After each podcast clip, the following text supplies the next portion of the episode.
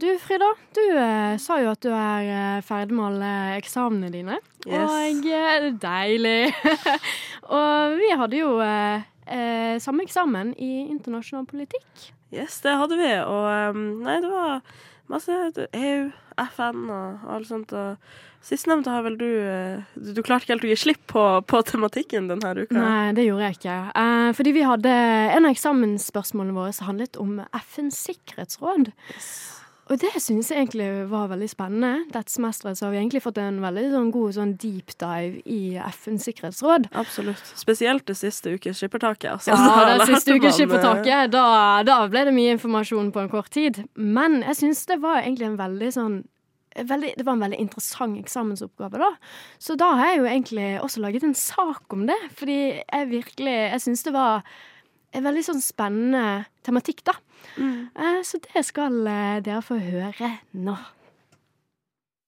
Hvis det oppstår en trussel mot internasjonal fred, er det FNs sikkerhetsråd sitt ansvar for å passe på at det ikke bryter ut væpnet konflikt.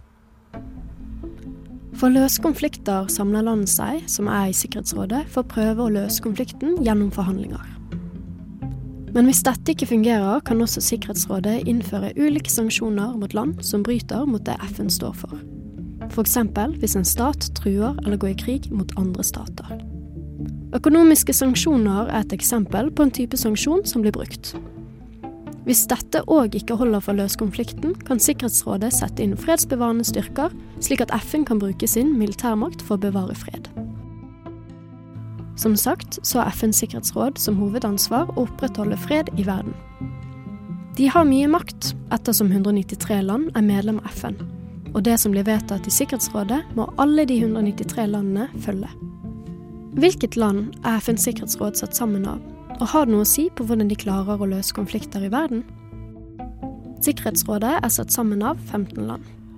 Av dem er det fem faste medlemmer, mens de ti andre blir valgt av generalforsamlingen. USA, Kina, Russland, Storbritannia og Frankrike er de faste medlemmene. De har sittet i Sikkerhetsrådet siden opprettelsen i 1945, og trenger ikke å bli gjenvalgt. De faste medlemmene har vetorett, og hvis ett av disse landene stemmer mot et forslag, kan ikke forslaget vedtas. De ti andre medlemslandene blir valgt for to år om gangen, og hvert år skiftes fem av de ikke-faste medlemslandene ut. Norge er et av de landene som har sittet i Sikkerhetsrådet siden 2020, men nå er Norges toårsperiode snart over. Det som er interessant med sammensetningen til Sikkerhetsrådet, er de fem landene som har fast plass og vetorett. USA, Kina, Russland, Storbritannia og Frankrike har vært sittende etter andre verdenskrig, og det er fordi Sikkerhetsrådet skulle gjenspeile de som var stormaktene i verden etter krigen. Men verden har jo endret seg stort etter andre verdenskrig, og kan vi si at disse landene er de som er stormaktene nå i dag? Disse landene som har vetorett, har jo veldig mye makt. Hvis 14 av landene i Sikkerhetsrådet er enig i et forslag, og ett land som har vetorett er uenig, blir jo ikke forslaget vedtatt. Dette har mye å si på hvordan de skal klare å løse de problemstillingene Sikkerhetsrådet blir satt overfor.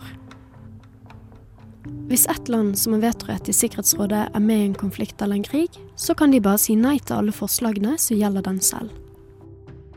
Det som blir vedtatt i Sikkerhetsrådet er bindende for alle medlemmene i FN.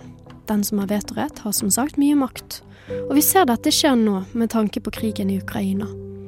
Russland sitter i Sikkerhetsrådet, og de gang på gang kan avslå forslag som gjør det umulig for FN å gripe inn i konflikten. Hvis Russland ikke satt i Sikkerhetsrådet, kunne Sikkerhetsrådet for lengst ha klart å hjelpe Ukraina. Under den kalde krigen avslo USA og Sovjetunionen gang på gang ulike forslag. De klarte jo ikke å komme til enighet. Og det ser vi ikke nå òg. Når disse ulike landene har såpass ulike interesser, er det vanskelig å samarbeide sammen. Men sånn skjer når de fleste land i verden er medlem av FN. Land har ulike politiske systemer og interesser, og det vil være vanskelig å komme til enighet. Sikkerhetsrådet sin sammensetning er kanskje litt gammeldags. Vi lever i 2022, og maktbalansen har endret seg siden 1945. Kanskje det er på tide at den sammensetningen blir endret, slik at land som faktisk vil bevare fred i verden, har mer makt enn land som ikke gjør det. Det er mye snakk om NATO sin artikkel 5, og at det er den eneste muligheten til å gripe seg inn i krigen i Ukraina. Men Sikkerhetsrådet har jo egentlig like mye makt til å gjøre noe. Men når Russland sitter i Sikkerhetsrådet selv som fast medlem, vil man aldri klare å gripe seg inn i den konflikten. Denne sammensetningen til Sikkerhetsrådet er et problem, fordi den gjør det slik at den ikke klarer å gjøre det FN sitt mål er. Å løse konflikt og bevare fred i verden. Der fikk du høre Helena Skrøder, og musikken er hentet fra Blue Dot Sessions.